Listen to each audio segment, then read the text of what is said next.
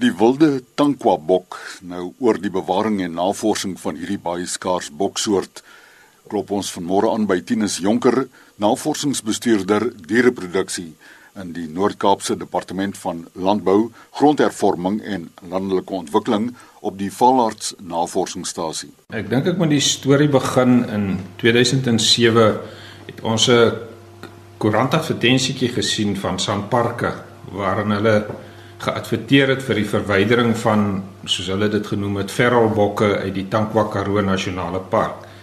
Ehm um, en omdat ons departement oor jare nou al betrokke is by bewaring van genetiese hulpbronne, het ons gevoel hierdie kan dalk iets spesiaals wees en ons het aansoek gedoen by Sanparks. Min weet dit nou waarvoor ons ons ingelaat het op daai stadium. Ehm um, ons nie geweet hoe lyk die terrein nie. Ons het net gesê ons dink die bokke wat wild voorkom in die Roggeveldberge kan dalk geneties waarde hê vir die veebedryf van die land. Sanparks het uiteindelik gesê maar julle kan die bokke verniet kry. Julle hoef nie te betaal vir hulle. Julle moet hulle net kom vang en wegvat.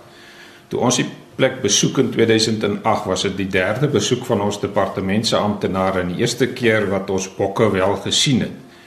En en toe het ons agtergekom die bokke lewe in 'n gebied van die park van ongeveer 2.500 hektaar in die Roggeveldberge, groot hellings, ehm um, groot berge.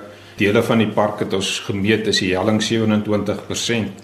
So 'n mens kan beswaarlik daar loop en ons het besef ons het 'n perdjie opgesaal wat vir ons baie moeite gaan gee. Ons gaan nie sommer 'n bok gevang kry nie. Ehm um, maar ons departement was ernstig. Ons het van 2009 die eerste poging aangewend. Ons het 'n paar ou bokramme gevang gekry en toe opvolg oor jare opgevolg spanne mense gestuur verskillende opsies oorweeg van vangmetodes. Ons het gekyk na moontlikheid van vliegtye. Die die vlieëniers het gesê die hellings is te styl, daar's te veel wind, hulle kan nie vlieg daar nie. Tweedens as jy 'n bok gaan pyl, gaan dit jou 'n uur vat om hom uit te kom op die grond langs want jy kan nie vinnig beweeg nie. So ons het maar te voet gevang. En in die proses het ons oor jare tot in 2011 ongeveer ehm um, 100 bokke gevang. En ons het die bokke geskuif na ons navorsingsstasie by Karnavon wat vir ons die naaste was aan die die veld in in die Roggeveld. Ons het geen op die stadium geen inentings, geen doserings, ehm um, geen behandeling van eksterne parasiete nie, so hulle word so wild as moontlik gehou. Ehm um, ons beheer net die getalle weens ons beperkte area. En ons werk twee keer 'n jaar met die bokke. Twee keer 'n jaar maak ons hulle bymekaar tydens die proses dan versamel ons biologiese materiaal, ons ehm um, merk die bokke, ons beskryf hulle, ons meet hulle, ons selekteer niks nie. As jy hom vergelyk met ons huidige boerbok, hulle grootte gewys dink ek is nogal vergelykbaar. Die ramme weeg gemiddeld hier tussen 75 en 85 kg, soos 'n redelike groot bok wat effens verskil van wat ons ken as ons inheemse veldbok waarvan daar die die die ekotipes is wat ons wat ons ken nou al ehm um, die spokkelbokke en die die ander inheemse rasse. Um, hy het lang hare. Jy kry ook die verskeidenheid kleure van rooi, swart, gespikkel, grys appelbokke. Jy kry al die die kleurpatrone wat jy kan dink. Hulle hare is bietjie langer as ons gewone bokke as jy kom ons vergelyk maar met die boerbok, jy wat langer hare. Ek dink dit kan deels 'n aanpassing vir daai Roggeveldberge wees wat by tye geweldig koud kan wees.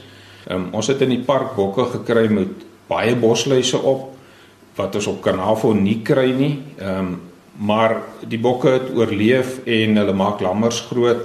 Ons ons vermoed hulle moet baie goeie lammer eienskappe hê, maar hulle het baie goed aangepas op Karnavon uit die onge, ongeveer 100 bokke wat ons gevang het. Was die aandeel bykans 800 oor die laaste paar jare. So ek sê nog steeds moet geen inmenging van ons kant af in terme van van behandeling van siek diere of predatore of enige iets nie.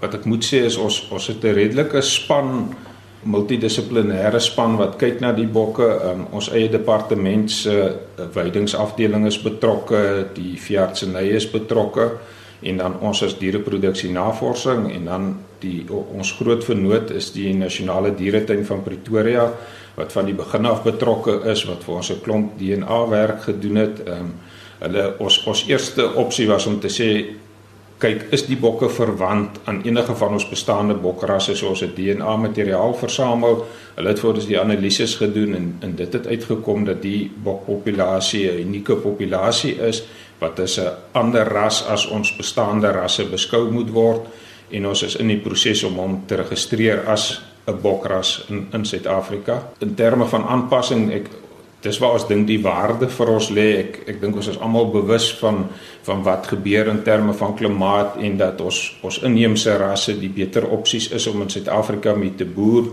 So in in daai oogpunt dink ons ons ons moet dit bewaar. 'n klein genetiese pool soos ek nou gesê het.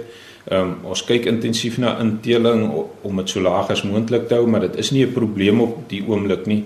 En die ondervinding is omdat daar so baie manlike bokke is in die pop, oorspronklike populasie dat een manlike bok nie 'n groot bydrae maak tot nageslag nie dat daar 'n redelike klomp um, vaders van die nageslag is wat jou inteling laag hou.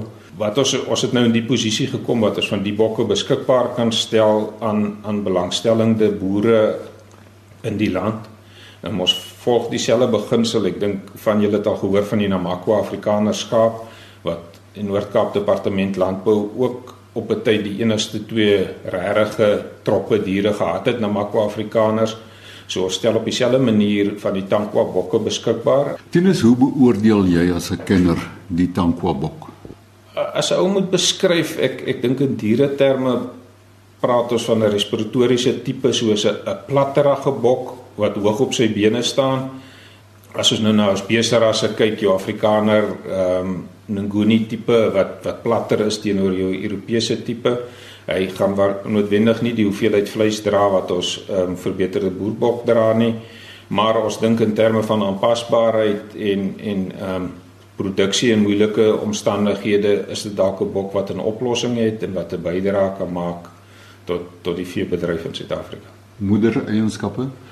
Die die moedereienskappe is vir ons baie goed. Ehm um, jy jy kry dat die oeye hulle lammers in die veld los maar weer gaan gaan haal om te voed. So baie keer in in die Tankwa park wat ons bokke gesoek het, het jy op klein lammertjies afgekom wat iewers weggesteek is onder 'n bakkerhans of 'n ding.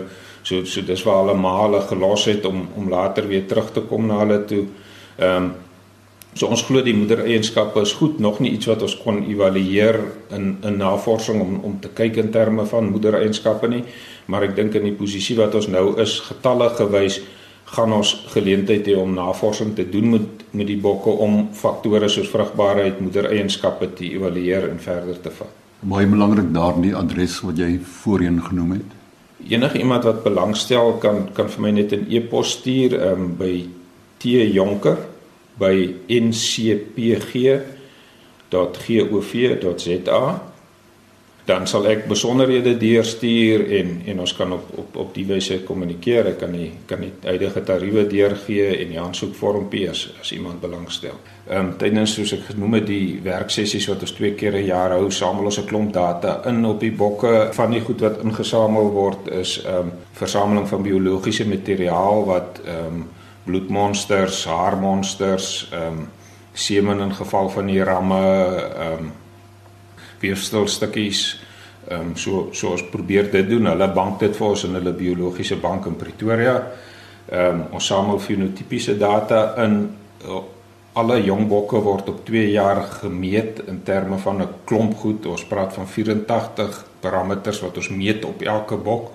So is 'n klomp fenotipiese data. Enerzijds is ons nodig om die bokke te beskryf om as 'n ras te registreer. Tweedens gaan die fenotipiese data belangrik wees om te sien oor tyd verander die bok van wat ons oorspronklik ingebring het na iets anders omdat hy nou op 'n ander omgewing is of so so. Daar's 'n klomp fenotipiese data. Ehm um, die database bevat heidaglik 700 bokke wat by hulle is waarvan daar biologiese materiaal is.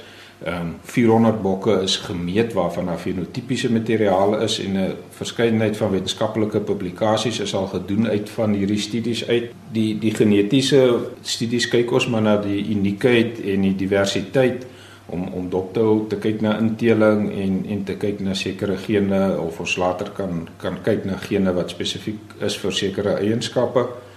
Die semen wat ons versamel, um, ons het ongeveer 100 ramme al getap semen by en ons het so 1200 strooitjies gevries wat wat ook in die biologiese bank is. Dis maar net nog 'n manier om seker te maak as iets met die bok gebeur, gaan ons nog materiaal oor hê en ons ons kan weer die bok vorentoe genereer as ons dit so wil noem. Ehm um, die idee is om vorentoe embrio's ook te vries.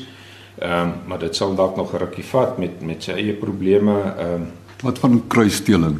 Dit is nogal een van ons ons dinge wat ons graag wil doen vorentoe. So ek net ou gesê het ons het beperkte ehm um, spasie op die plaas, maar daar's 'n moontlikheid dat ons 'n gebied weer gaan bykry by die plaas en en en dis werklik wat ons graag wil doen is om om kruisdeling met die bokke te doen.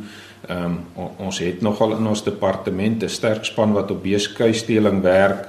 So ons ons is onder lê ons ons navorsers in kruisdeling, so ons wil graag na kruisdeling kyk en dan van die ander goed, die gedragstudies is iets wat ons graag wil kyk om te vergelyk hoe hoe hierdie bokke se gedrag is teenoor ons makker boerbok tipes in in terme van binne die die trop. As hulle lammers het hoe hulle dan optree want want sulke gedragseienskappe kan vir 'n ou 'n aanduiding gee van van, van hoe hoe die moedereienskappe is, hoe die oorlewing van die bokke is. Ek lei af daar lê dalk nog 'n interessante toekoms voor vir hierdie tankwa bok.